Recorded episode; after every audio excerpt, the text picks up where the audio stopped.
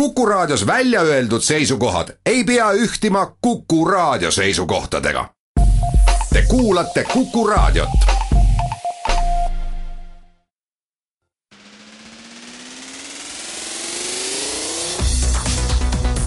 muuli ja Samost. muuli ja Samost. tere, head pühapäeva kõigile, alustame saadet Muuli ja Samost, stuudios on Anvar Samost ja Kalle Muuli ja selle üsna tavapäratu ja tõenäoliselt ka ajalukku jääva nädala äh, kokkuvõttes räägime me loomulikult siis Suurbritannia rahvahääletusest Euroopa Liidust lahkumise üle, räägime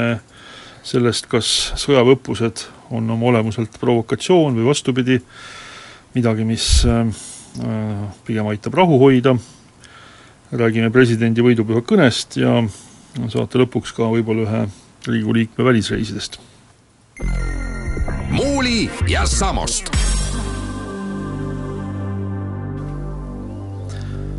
aga nagu juba mainitud sai, siis tegemist ei ole meil mitte tavapärase nädalaga, vaid äh, nädalaga, kus äh, tervelt äh, neli vaba päeva on olnud, kui te kõik otsustate, et ma hakkan Brexitist rääkima, siis valmistan teile väikse üllatuse, et tahaks kõigepealt rääkida äh, töökorraldusest, töö- ja vaba aja korraldusest Eestis, äh, äh, sel nädalal olid siis äh, pühad ametlikult neljapäev ehk võidupüha, reede ehk jaanipäev, laupäev ja pühapäev ja juba kolmapäeval pärast kella kahte oli inimestel enamasti võimalus töölt lahkuda, sellepärast et oli lühendatud tööpäev, ehk siis võiks öelda, et suurem osa nädalast olid vabad päevad ja mis oli veel muidugi üsna erandlik, oli see, et kui ma, kui ma ka praegu aknast välja vaatan siin Tallinnas, siis ilm tundub väljas täiesti selline meeldiv, vihma ei saja, temperatuur on üle kahekümne kraadi, et äh, sarnased olid ka enamuses Eestis äh, need äh, neli päeva, sealhulgas ka jaaniõhtu, kus küll siin Põhja-Eestis midagi korraks tibutas, aga põhimõtteliselt oli soe ja ilma vihmata, ja see vähemasti mind pani küll küsima, et, et kas see võiks äkki sättida kuidagi niimoodi, et see Eestis nii erakordne valge äh, suve tipphetk äkki, äkki võikski olla nagu liikuv püha, et inimesed saaksid need neli või kolm vaba päeva kätte mitte ainult siis, kui kalender niimoodi lihtsalt välja kukub, vaid iga aasta enam-vähem regulaarselt. nojah, meil on ju kaks püha, meil ei ole ainult ju jaanipäev on, on võidupüha ka ja see Soomes on jaanipäev näiteks liikuv püha. ja, ja noh, jaanipäeva ma kujutan ette, kuidas saab liikuvaks pühaks teha, et ilmapühad on ikka sellised, nagu nad on, et pööripäevad kord on natukene siin kuupäeval ja kord teisel, aga aga, aga võidupüha, mida tähistatakse ju, ju ühe lahingu järgi või, või sõjategevuse äh, kuupäeva järgi, on, on üsna, üsna kindlalt kinni naelutatud ja, ja ma arvan, et äh, kui me Riigikogus hakkaksime nüüd arutama jaanipäeva muutmist liikuvaks pühaks või midagi sellist, siis öö, usu või ära usu, et see mõjuks täpselt samasuguse asendustegevusena, nagu hiljaaegu, kui minister Liisa Oviir sundis Riigikogu arutama seda, kuidas ettevõtjate päeval lippu heisata. aga ometi arutati, kas see otsustati ära ka muidu või? see läbis Näed, lu-, lugemise ja jätkub sügisel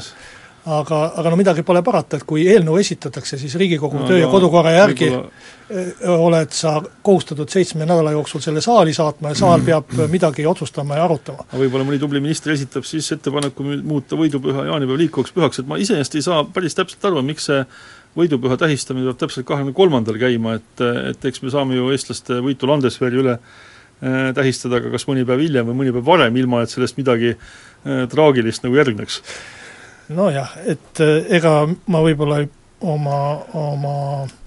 endise elukutse tõttu pole ehk kõige parem inimene äh, riigipühade üle otsustama, sest äh, ikkagi veerandsajandi pikkune ajakirjaniku karjäär ja ajakirjaniku töö on selline, et ega ta pühadest ei hooli. et kui on Brexit, siis ma arvan, et minu endised kolleegid on ikkagi kõik tööl ja kui keegi tähele paneb, siis me oleme siin eetris ka pühapäeval ja ma olen sellega nii ära harjunud, et, et tööd tuleb teha siis, kui on tõ-, kui on tööd teha ja, ja puhata tuleb siis, kui tööd ei ole teha. et äh, tõepoolest noh, ütleme isiklikult minu pärast võivad need pühad olla millal nad iganes, et eh, aga, aga kui ma mõtlen nüüd eh, laiemalt natuke, siis ma pigem pooldaks võib-olla selliseid variante, kus äh, mul ei meenu hetkel need riigid, kus on nii tehtud, aga, aga päris mitmes riigis on, on tehtud sedasi, et kui riigipüha või Lätis on näiteks niimoodi. Eh, langeb nädalavahetusele, et siis eh, see nihutatakse esimesele tööpäevale ja, ja selle võrra siis nädalavahetus eh, pikeneb, mis minu meelest on mõistlik, et et teatud sellised suuremad puhkepausid ränga töö sees on, on igati asjakohased, et äh, alates piiblist juba, kus kümne käsu sisse on kirjutatud pühad, pühid, pühitse pühapäeva äh,,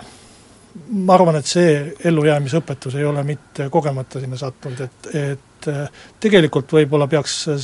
sedapidi vaatama, et, et inimesed saaksid need riigipühad, mis on äh, seadusandja poolt ette nähtud, kätte. igal juhul sõltumata sellest, kas, kas nad siis on nädalavahetusel või mitte, aga muidugi me peame juurde lisama, et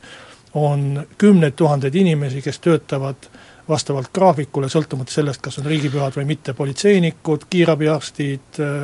ajakirjanikud müüjad. ja nii edasi, müüjad. väga võimalik, et ma pean möönma, et eks see minu selline helde tuju riigipühade suhtes võib olla ka tingitud sellest, et ilm on ilus olnud, et oleks siin olnud pluss kuus ja vihma sadanud, et võib-olla ei oleks sellist mõtet üldse pähe tulnud. aga ma väidan, et üks korralik puhkus äh, ja kolme-nelja päevaga saab juba korralikult puhata, on töö viljakusele või ütleme uuema sõnapruugiga siis tootlikkusele palju, palju mõistlikum, kui, kui nädalavahetusel riigipühi tähistada.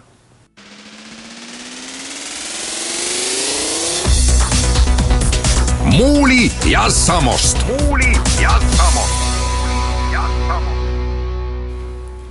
jätkame siis äh, saadet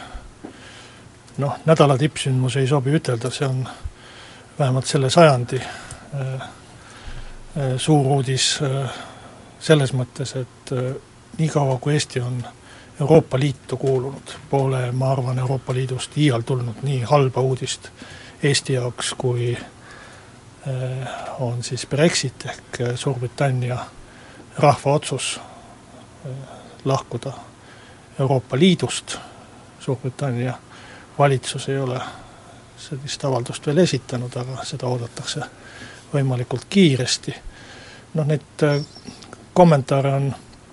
on äh, nende mõne päeva jooksul, mis on möödunud äh, Suurbritannia rahvahääletusest, olnud väga palju ja mis, mida ma võib-olla tahaksin nagu rõhutada või ära märkida, on, et, et liiga palju minu meelest keskendutakse sellele, et mis saab Suurbritanniast ja mida nad tegid valesti ja mida õigesti ja, ja kuidas neil nüüd kõik minema hakkab, et äh, ma arvan, et Eesti jaoks on ikkagi palju olulisem küsimus see, et mis saab Euroopa Liidust, mida Euroopa Liidus on tehtud valesti ja, ja kuidas meil minema hakkab ma praegu mõtlesin sinu jutu ajal, et kas võib see tõesti tõsi olla, et see on kõige halvem uudis, mis on Euroopa Liidus äh, juhtunud äh, selle jooksul, kui Eesti on Euroopa Liidu liige olnud. Ja ma ei ole selles isegi väga kindel, et, et kui ma mõtlen selle peale kõik, mis toimus kaks tuhat üheksa ja Kreeka kriisi peale, siis need kõik olid minu jaoks oluliselt äh, murettekitavamad vähemalt, aga noh, loomulikult ega mina ei ole mingi üldistuse aine, et võib-olla tõesti inimestele Suurbritannia lahkumine teeb rohkem muret, et äh, noh, seetõttu ma ka ei mõista tegelikult seda hüsteerilist reaktsiooni mida võib kohata ka Eestis, aga, aga kindlasti ka kõikides teistes Euroopa Liidu riikides, aga Eestis tõesti mitmed poliitikud on, eriti just poliitikud on kommenteerinud seda rahvahääletuse tulemust justkui nagu oleks nüüd maailm ära lõppenud, et äh, ma ei tea, kas on põhjust, et esiteks äh, Suurbritannia ei kao kuhugi, geograafia ei muutu, selles mõttes, et ta ikkagi jääb selleks saareks, mis seal äh, mere taga on, Prantsuse ja, ja, ja muu Euroopa külje all. Äh, inglise keele positsioon Euroopas ei muutu, selle eest hoolitsevad Iirimaa ja Malta, inglise keele positsioon maailmas ei muutu, et võib-olla mõni inimene arvas, et ta peab hakkama kohe saksa keelt õppima,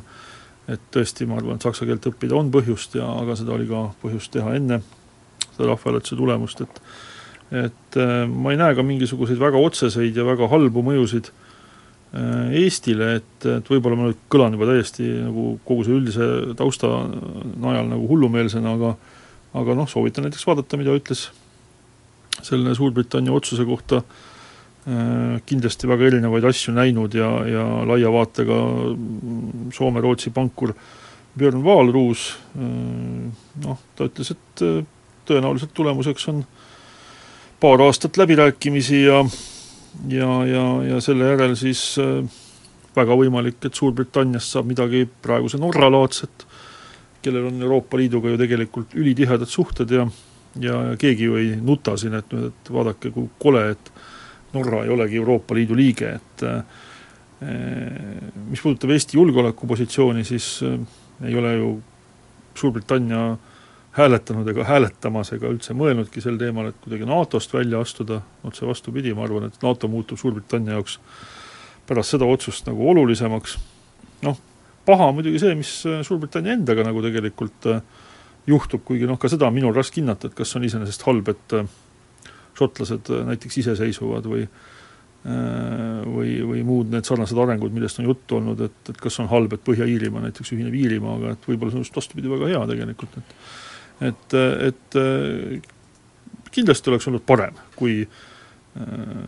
David Cameron oleks jätnud selle poliitilise mängurluse noh, mängimata. Ja, ja poleks olnud seda hääletust, mis praegu tegelikult kujunes selliseks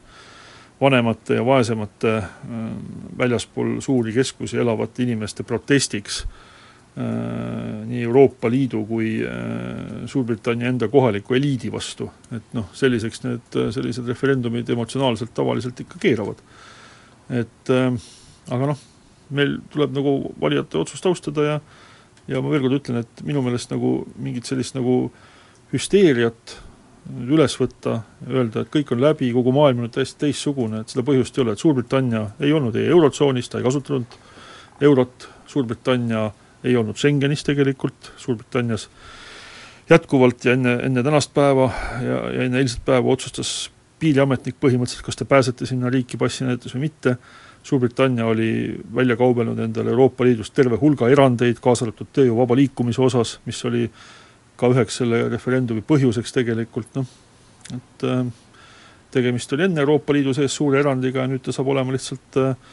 Euroopa Liiduga väga lähedalt seotud liik, riik väljaspool Euroopa Liitu. noh, seda võib muidugi öelda, aga, aga kui sa viitad Norrale, siis äh,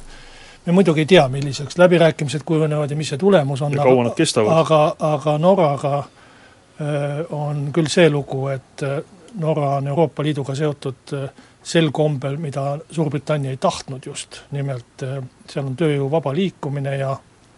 ka Norra maksed ja muud sellised asjad, et sisuliselt võiks ütelda, et Norra on peaaegu et nagu Euroopa Liidu riik ja vaevalt sellist lepingut Suurbritannia tahab sõlmida, et pigem siis midagi Šveitsi-laadset või või, või, või, või teistsugustega, et, et kindlasti oli tööjõu vaba liikumine ja, ja, ja netomaksja staatus sellised, mida, mida ei tahaks, tahaks enam väljaspool Euroopa Liitu omada. aga, aga ma olen sinuga nõus, et ega, ega me viisat ei hakka äh, iial Suurbritanniasse või vähemalt äh, ka uutes oludes äh, võtma ja ja, ja kindlasti räägitakse Euroopa Liidus edas, edaspidigi inglise keelt, aga aga nii äh, ütleme, mahe ma oma hinnangutes küll ei oleks nagu, nagu sina, et see Suurbritannia on ikkagi väljaspool Euroopa Liitu, Euroopa Liit kaotab peaaegu et ligi viiendiku oma, oma majandusvõimsusest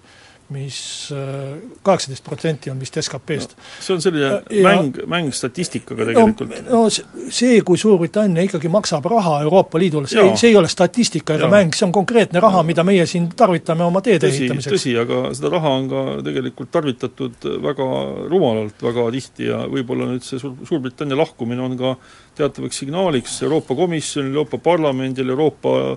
Liidu väga, riikide väga valitsustele. sellest kohe hakkame just, rääkima. sellest ma tahtsingi rääkida. aga, aga ma, ma, ehkki ma puudutasin seda Euroopa Liidu põhiväärtust ehk raha,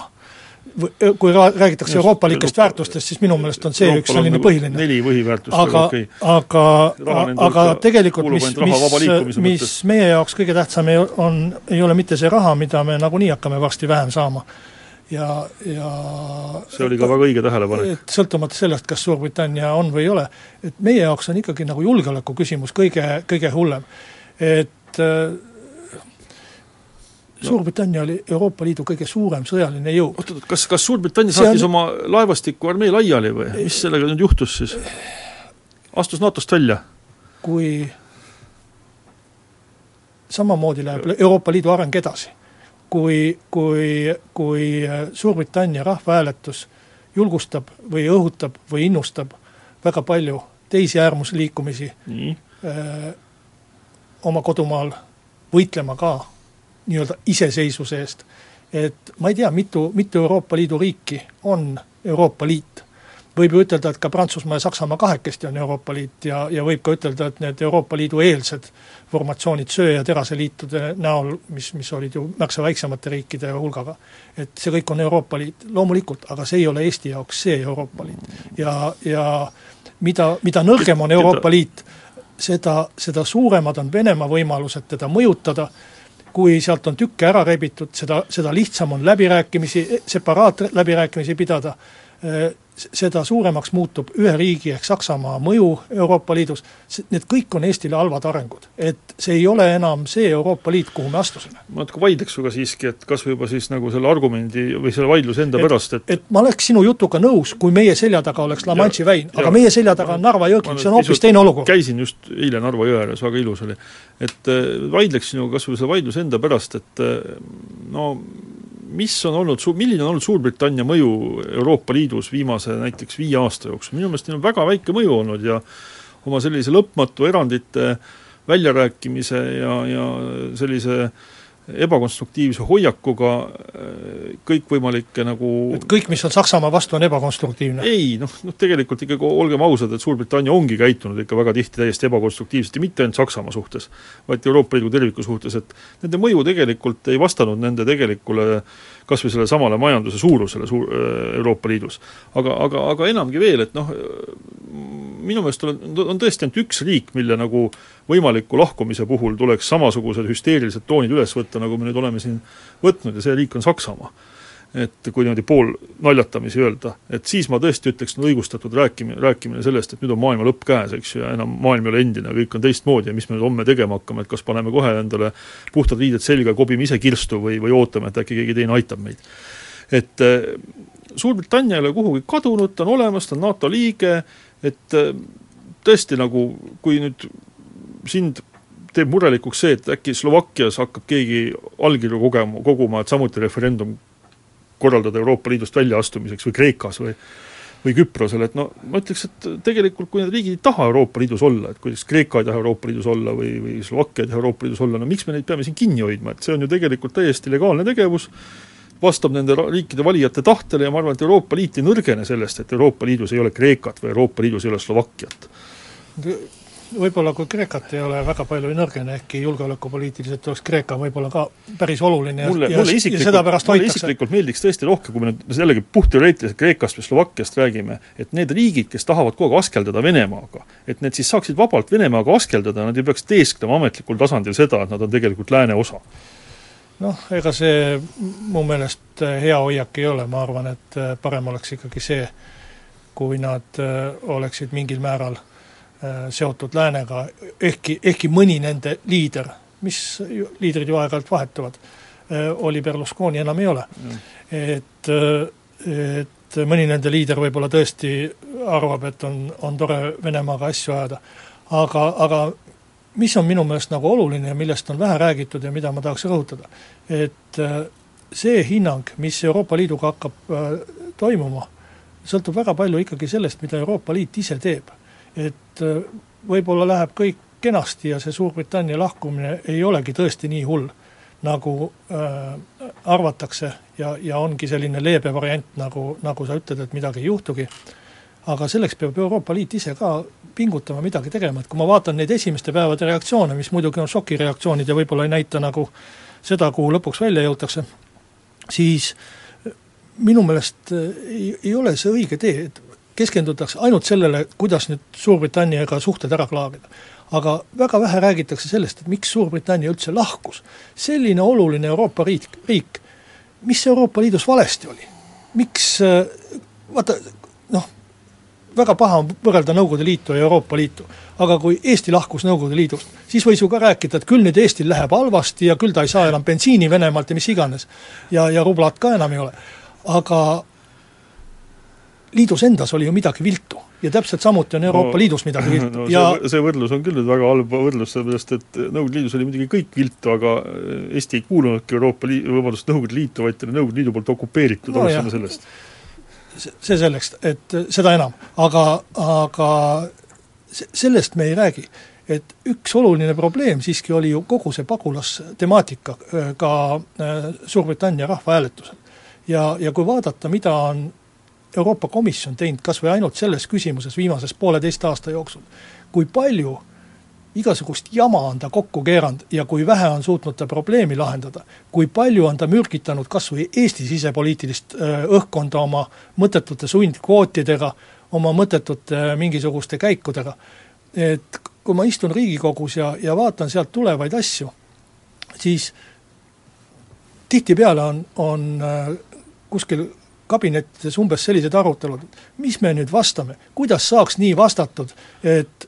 need oleksid seal rahul ja Eesti oleks ära päästetud. et, et ei peaks jälle seda jama tegema. sisuliselt samamoodi, kui ma töötasin ENSV ajal Eesti Kaubandus, ENSV Kaubandusministeeriumis, siis tuli, siis tuli Moskvast, Anvar, dire-, direktiivid, mille puhul tuli mõelda täpselt sa-, samamoodi, et kuidas saaks teha nii, et nagu elu päras, päris tuksi ei keerataks, aga saaks ka nagu Moskvale ära vastata. et, et oleks jälle nagu suured ülemused rahul no. vahel mulle tundub, et ausalt öeldes Brüsselist tuleb täpselt samasugust jama. et see kogu Euroopa Liidu juhtimine, see komisjoni kaudu juhtimine on tegelikult vastutuse äraveeretamine nendelt, kes tegelikult Euroopa Liitu juhivad, ehk riigijuhtidelt. see Euroopa Komisjon on lihtsalt üks vastutuse äraveeretamise äh, vahend ja, ja, ja kõik näitavad muudkui näpuga sinnapoole, et näed, Euroopa Komisjon otsustas, Euroopa Komisjon otsustas, ilma Merkeli ja Hollandita ei, ei otsusta Euroopa Komisjon mitte midagi. aga, aga see on üks selline, selline mõttetu struktuur, mis siin on tehtud. ja niikaua, kui see Euroopa juhtimine jätkub sellisel moel, mina ei usu, et sellel on selline suur tulevik, et me saame hakkama eh, ma ei tea, ilma Suurbritannia mingisuguste muude, muude liitudeta, ta pudeneb edasi. sellepärast, et see, mis seal tehakse, see ärritab eh, liikmesriike, keda, keda üks või teine küsimus teravamalt puudutab eh, niivõrd, et, et ta ei jää püsima sel viisil. ja, ja seda tuleks oluliselt muuta ja reformida, aga ma ei ole nii naiivne, et ma arvaksin, et seda suudetakse teha. seda ei tehta. noh, ma nüüd igaks juhuks hoidun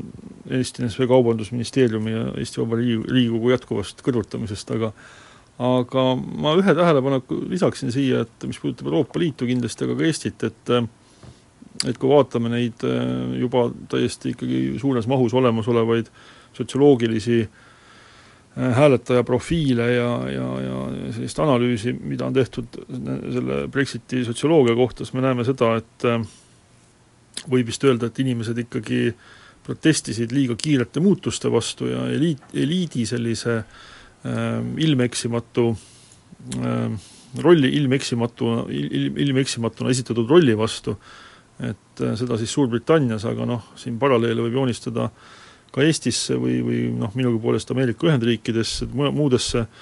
olulistesse riikidesse, et kui eh, tahta muutusi eh, noh, nii-öelda ülevalt poolt, eliidi poolt allapoole nagu peale suruda, siis varem või hiljem paratamatult tuleb mingit sorti vastulöök. et Euroopa Liit on minu meelest nagu tervikuna eh, päris kindlasti süüdi selles, et mingeid asju on üritatud teha liiga ruttu, ülevalt alla äh,, Äh, noh, vastu, vastu, vastu tegelikule valijate soovile, et valijad on seda korduvalt ja korduvalt nagu alla neelanud ja öelnud, et hea küll, et tegelikult me saame aru jah, et nii on, aga lõpuks tuleb ikkagi kuskilt mingisugune pauk ja mida kaugemale see edasi lükkub, seda, seda jubedam see tundub, ähm, tundub olevat, et selles mõttes äh, ja, ja, ja veel, veel üks järeldus siia otsa, et kõige, kõige, kõige, kõige traagilisem on see, on see hääletustulemus tegelikult ikkagi brittide enda jaoks, et, et sellisest väga olulisest ja suurest riigist jäi nüüd oluliselt,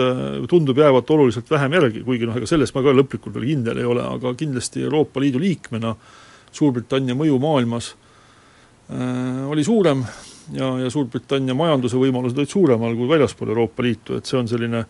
minu meelest ka oluline tähelepanek, et äh, kõigil neile, kes tahavad siin ka kohe allkirju korjama hakata, kuigi ma ei taha ka Eestit ja Suurbritanniat mitte mingil moel nagu kõrvutada. no see võib nii olla jah, äh, lähi, lähima paari-kolme aasta jooksul kindlasti on neil, on neil palju halbu asju, aga kuidas ta kujuneb kümne või viieteistkümne aasta vaates, seda, seda on väga raske ennustada, see sõltub ka, kuidas Euroopa Liidul läheb. kui Euroopa Liit jätkab samamoodi, äh, kus äh, iseenda kokku lepitud reeglitest ei peeta kinni, kus äh, on selline valikuline suhtumine ja nii edasi, nii edasi, ja jätkub äh, noh, ütleme siis selline lagunemistendents või, või mingi asi, et siis ma üldse ei välista, et mingi tõenäosusega võib olla Suurbritannia hoopis võitja viieteistkümne aasta pärast, kes kõige esimesena jalga laskis. jah, no ka seda on väga raske ausalt öeldes prognoosida, aga, aga pigem ma arvan, et ta on ikkagi kaotaja sellest, et äh, nii palju segadust äh, nii, nii, nii, nii noh, nii-öelda nii tühisel põhjusel, milleks oli tegelikult ühe mehe soov jääda edasi peaministriks. see oli viiekümne kahe protsendi Suurbritannia elanike soov, või rahva, rahva algas, algas sellest, et David Cameron soovis äh, jätkata veel pikalt peaministrina et kui me euroopalikest väärtustest räägime, siis äh, mina olen, nimetan siin ühena raha, äh, aga, aga tavaliselt peetakse selle all ka nagu demokraatiat silmas. Äh, et siis ütelda ühest küljest, et euroopalikud väärtused ja samal ajal ütelda midagi halvasti selle kohta, et rahvas asju otsustab, et mina ei ole öelnud seda. jah, et see on, see on väga vastandlik, et ma olen, ma olen selliseid arvamusi siin kuulnud, et noh, et ei peaks laskma rahval nagu otsustada, loomulikult peaks laskma rahval otsustada. no teatud küsimusi ei peaks panema rahvahääletusele ja kuulumine Euroopa Liitu on äh, kõikides ja, ja. riikides olnud ja. omal ajal rahvahääletusel. aga, aga ka sellepärast, et see korra on olnud rahvahääletusel, ei pea seda iga noh, ma ei tea, kümne aasta tagant uuesti nagu läbi hääletama. kui ma Suurbritanniat meenutan, siis ilmselt oli viimati üheksakümmend kaks või üheksakümmend kolm kuskil sealkandis, eks ju, kui nad äh, Äh, kui Kas nad ikkagi kui nad Maastrichti lepingut ilmselt hääletasid. tuhat üheksasada seitsekümmend viis ei olnud, aga noh, aga jah, et äh, demokraatia on tore ja, ja referendumid on võib-olla mõnes küsimuses mõistlikud, aga, aga parem on teha neid siiski nagu noh, ütleme niimoodi, et äh, strateegilistes küsimustes võimalikult harva ja ja mitte, mitte kutsuda neid esile lihtsalt sellepärast, et kellelegi tundub, et ta võiks oma partei esimees edasi olla. meil on Eestist valitud Europarlamendi saadikud, meil on olemas Välisministeerium, meil on olemas peaminister, et nendelt ma tahaksin kuulda, milliste ettepanekutega nad lähevad Euroopa Liitu nii-öelda reformima või, või, või muutma või tegema, et siiamaani ma olen kuulnud ainult äh, mingeid jutte värskendavast dušist, mis, äh, mis peaks saama uueks äratuskellaks, kuidagi nii neid kujundeid seal lükitakse väga poeetiliselt et, et rääkige asjast, et äh, mida te te kavatsete teha Euroopa Liidu muutmiseks, millised need muudatused ja ettepanekud teil on?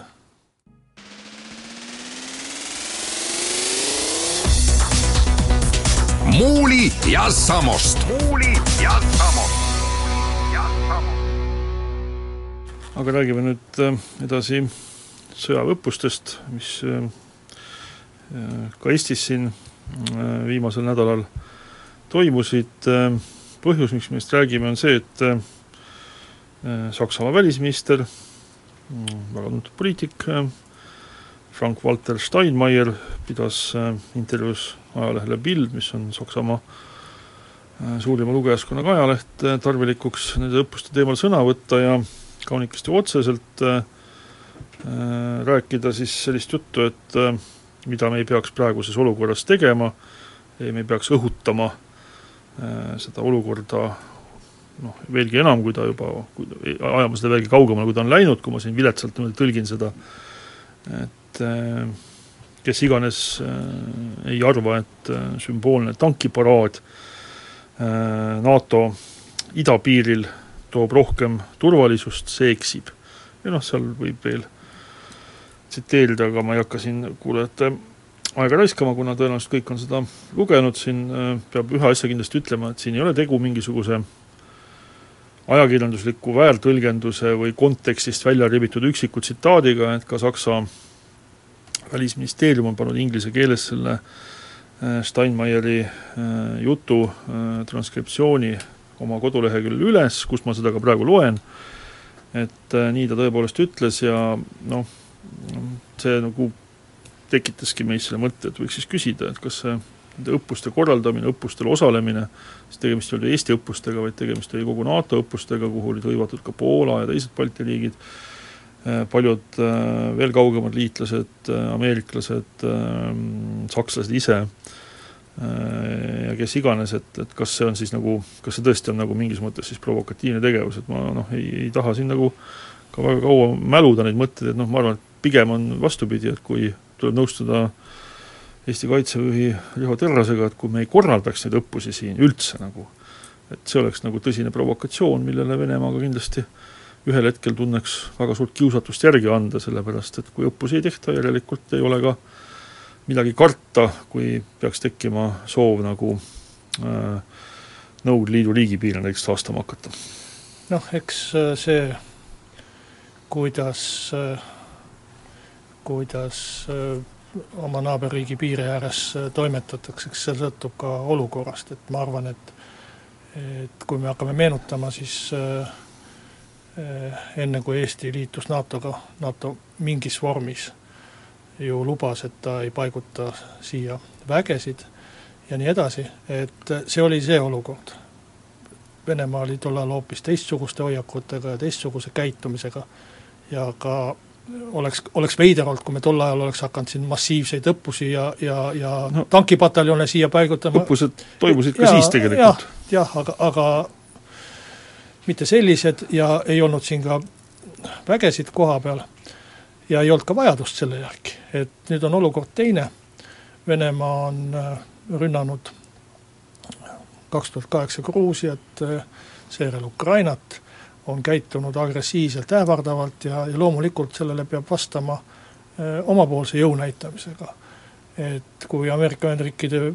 president Obama Tallinnas käis, siis ta küll ei rääkinud sellist juttu, nagu Steinmeier pildile räägib, et olid hoopis teised sõnumid ja, ja ma arvan, et asjakohasemad et, et see on üks asi, et minu meelest on see nagu olukorrale vastav ja adekvaatne käitumine, mida NATO teeb. et võib-olla peaks isegi rohkem tegema, ütlen ma, mis puutub äh, Eesti kaitsmisse, et palju on viimasel ajal räägitud ja president Toomas Hendrik Ilves rääkis oma kõnes ka sellest, et kuni aastani kaks tuhat üheksa NATO-l ei olnud isegi kaitseplaane Balti riikide jaoks. ja ma arvan, et see võis ka olla olukorrale pea, peaaegu et kohane äh,, äh, aga, aga olukord on muutunud ja, ja selles mõttes äh, noh, ma arvan, et me ise küll ei peaks hakkama ütlema, et äh, korraldame siin kohutavaid provokatsioone mõõgatärina saatel. Aga teine asi on nüüd äh, Saksa välisministri avaldus, mida, mida peaks nagu nendest õppustest ja asjadest eraldi vaatama, et omal ajal, vast üks kümmekond aastat tagasi rääkisin raadios ma sellest, et Eesti poliitikud ei peaks igale Venemaalt tulevale suvalisele Riigiduuma liikme avaldusele vastama omapoolse mingisuguse äh, tohutu avaldusega. nüüd sa tahad öelda, et ka Saksamaa poliitikute suhtes peaks samamoodi käituma Ta,? tahan ütelda küll seda, et äh, me ei peaks äh, iga poliitiku avaldusele, mis, mis meid kuidagi puudutab või meie julgeolekut kuidagi puudutab, reageerima noh, sel-, sellisel kombel, nagu olekski see tõsiselt mõeldud nüüd sellena, et Saksamaa sekkub otsustavalt NATO õppustesse, keelab nad ära, toob oma väed ära ja, ja enam osa neist ei võta, et nagu sa isegi mainisid, Saksamaa, Saksa väed ju osalevad. et kui Steinmeier oleks tahtnud, et midagi nagu tõsist teha, siis ta oleks kindlasti välisministrina ja valitsuse liikmena äh, sa-, saanud äh, oma sõna ütelda ka ilma aja, ajalehe äh, pildi vahenduseta sekka nende õppuste korraldamisel, et et selles mõttes võiks neid avaldusi vaadata natukene äh, natukene kergemalt, et ei pea kõigi oma raske, raske kahurväega, alates äh, Kaitseväe juhtidest, peaministritest, välisministritest ja kõikidest sellis-, selliste torudega tulle minema, kaasa arvatud kogu ajakirjandus, et kui, kui Saksa välisminister midagi ütleb, et noh, võiks mõne asja lasta ka ühest kõrvast sisse, teisest välja. no jah, ma olen nõus sellega, et siinkohal võib-olla peaks tegema sellise suure pingutuse ja hoidma äh, Äh, näiteks Saksamaa puhul tema välisministri jutu ja, ja Saksamaa tegelikult sammud äh, meie NATO partnerina nagu omavahel lahus, kuna Saksamaa ise tundub neid äh, tõesti lahus hoidvat, aga ma ei saa siiski jätta märkimata kahte asja, et esiteks ega Steinmeier ongi tõesti väga Vene-sõbralik, et kui keegi vaatab ka tema avaldusi näiteks kahe tuhande kaheksandal aastal pärast Gruusia sündmusi või, või näiteks vaatab tema parteilist karjääri, mis kaheteist aasta vältel kuulus, kulges sellises käsikäes rakendis, paadisrakendis tulevase kantsleri Gerhard Schröderiga, kelle noh, põhimõtteliselt parem käsi Steinmeier kaheteist aasta vältel oli küll kõigepealt madalamal tasandil ühe liidumaa nii-öelda juhtimisel kui ka hiljem, näiteks kahe tuhande kolmandal, kahe tuhande neljandal aastal siis kui mm, Schröder juba kantsler oli, et et ma arvan, et kui inimesed on nii kaua äh, koostööd teinud, et küllap neil on ka midagi muud ühist ja, ja mis on Gerhard Schröderil ühist äh, Venemaa huvidega, seda me kõik tänaseks juba väga faktipõhiselt äh, ka teame, loodan, et me ei saa seda samamoodi kunagi hiljem teada näiteks Steinmeieri kohta, et tegemist on ausa inimesega ja tõesti lihtsalt tema vaated on sellised. no või, võib-olla ma nii palju täpsustaks või korrigeeriks, et ega ta ütleme, keskmisest Saksa sotsiaaldemokraadist äh, väga palju Vene-sõbralikum ei ole, et seda, seda, seda ei peaks nagu ütlema, et see on, see on Saksa sotsiaaldemokraatia vist nagu eripära, et olla sõbralik Venemaaga. ei, ei, ei oska niimoodi väga täpselt hinnata, et jah, tõesti Willy Brandt ja, ja kes iganes, aga jälle noh, ütleme ka Willy Brandti kohta me oleme tagantjärgi lugenud selliseid asju, mida võib-olla külma sõja ajal ei oleks tahtnud äh, päris isegi uskuda aga mm, teine asi, mis ma tahtsin öelda, on see, et tegelikult äh, ma äh, pean kiitma vist siin ka veel kord Richard Terrast, et et äh, need õppused, nende selle, tegelikult see oli ju suur õppus, mis nimi oli vist Anaconda või midagi taolist ja selle õppuse nii-öelda keskseks eesmärgiks oli tegelikult valmistuda või läbi mängida sellist olukorda, kus Venemaa ründab Poolat, sugugi mitte Eestit et selles mõttes on ka mõistlik võib-olla see Steinmeieri ütlus nagu natuke õigemasse konteksti panna, et ta ei pidanud kõigepealt võib-olla tõesti Eestit silmas, aga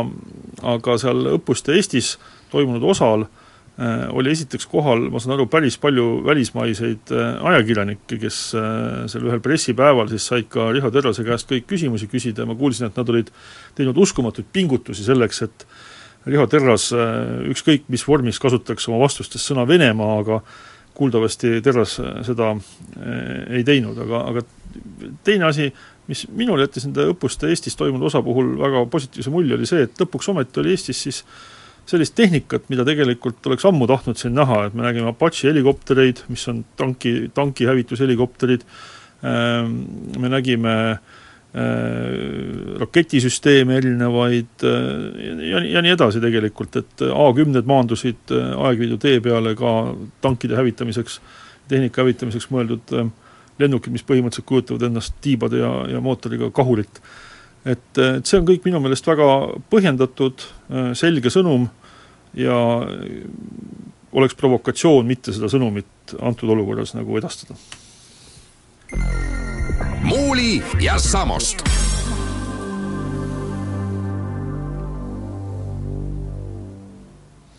sisuliselt tuleme sama teema juurde nüüd kolmanda nurga alt juba tagasi, et äh, meil on siin olnud tavaks vaadata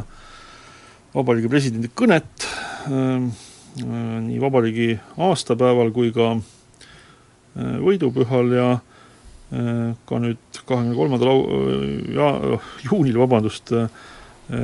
samal päeval siis, kui Suurbritannia hääletas Euroopa Liidu jäämise või lahkumise üle, pidas äh, president Ilves kõne ja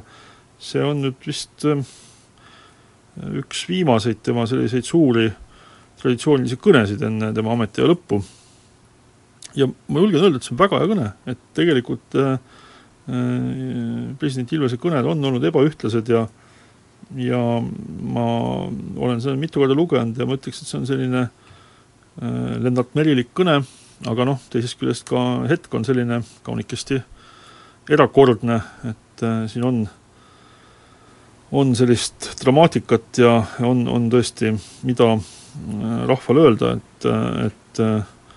on asju, mida rahvas tahab teada, tahab kuulda just nimelt presidendi käest. et siin on äh, nii julgeolekutemaatika kui seesama Euroopa ühtsuse temaatika, kui ka Eesti presidendivalimistest on juttu, kõik on väga selgelt, väga äh, konkreetselt sõnastatud, ei ole sellist noh, ümber nurga käimist või, või keerulist äh, abstraktset teksti. noh, eks ta rõhutab presidendi rolli välissuhtlemises ja, ja julgeolekupoliitikas ja ja iseenesest noh, see on tegelikult ju see, mida ta uues vormis ütleb, on ju triviaalne ja, ja, ja sadu kordi korratud, aga aga eks ta kipub sisepoliitilistes äh, rähklemistes äh, meelest minema ja need on kaks asja, mis, mis äh, viisid meid nii, nii Ilvese kõne kohaselt kui ka minu arvamuse kohaselt äh, iseseisvuse kaotamiseni neljakümnendal aastal oli üks liitlaste puudumine ja, ja, ja, ja liitlaste olemasolu meil on praegu julgeolekupoliitiliselt esmatähtis ja seda me peame kogu aeg rõhutama ka ajal, kui meile räägitakse võib-olla sisepoliitiliselt mõne erakonna poolt, et paneme piirid kinni, eh, saadame Euroopa Liidu pikalt ja, ja taevas teab, mida teeme veel. et eh, see on üks asi ja teine asi on muidugi see, mida peaks, eh, peaks jälle teise ääre puhul rõhutama, et meil ei olnud kolmekümne üheksandal ja neljakümnendal aastal vaba sõna, demokraatiat, meil ei olnud Äh, parlamenti selle sõna tõelises mõttes, meil ei olnud vaba ajakirjandust selle sõna tõelises mõttes ja meil ei olnud seetõttu ka võimalus äh, valijate, valitsejate samme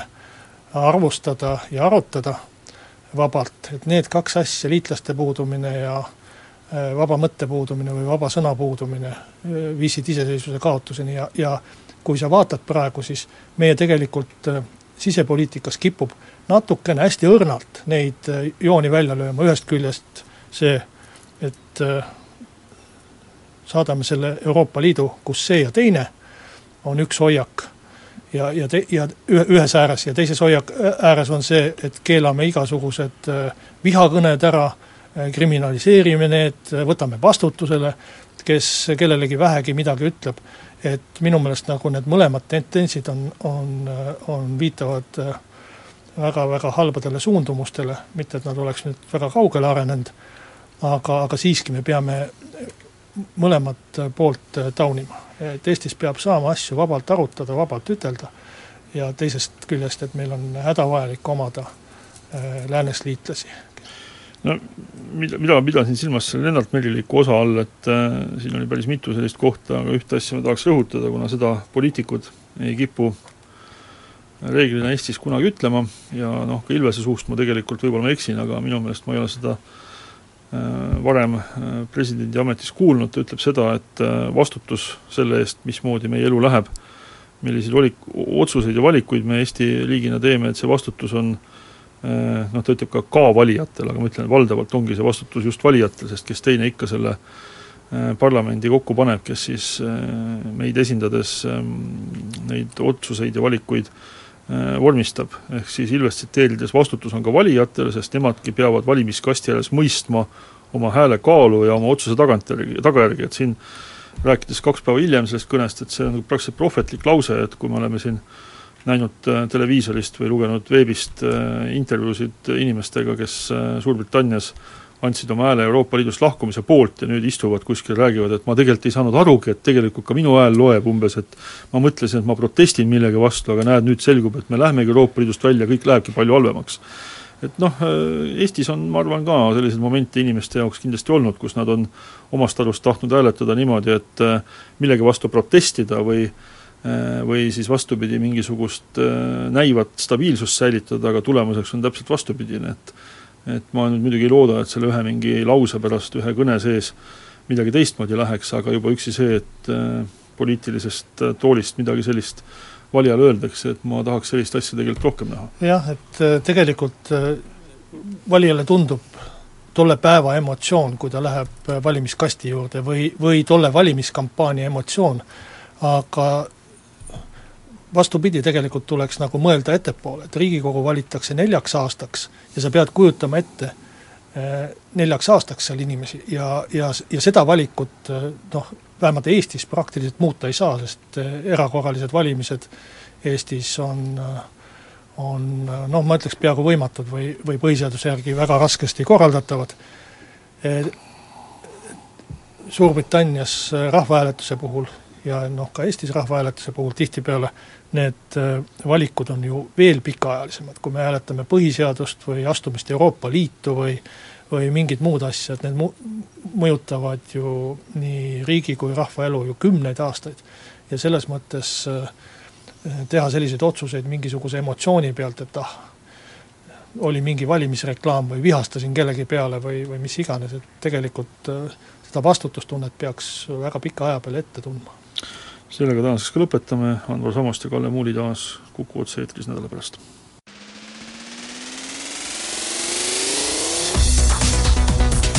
muuli ja Samost. muuli ja Samost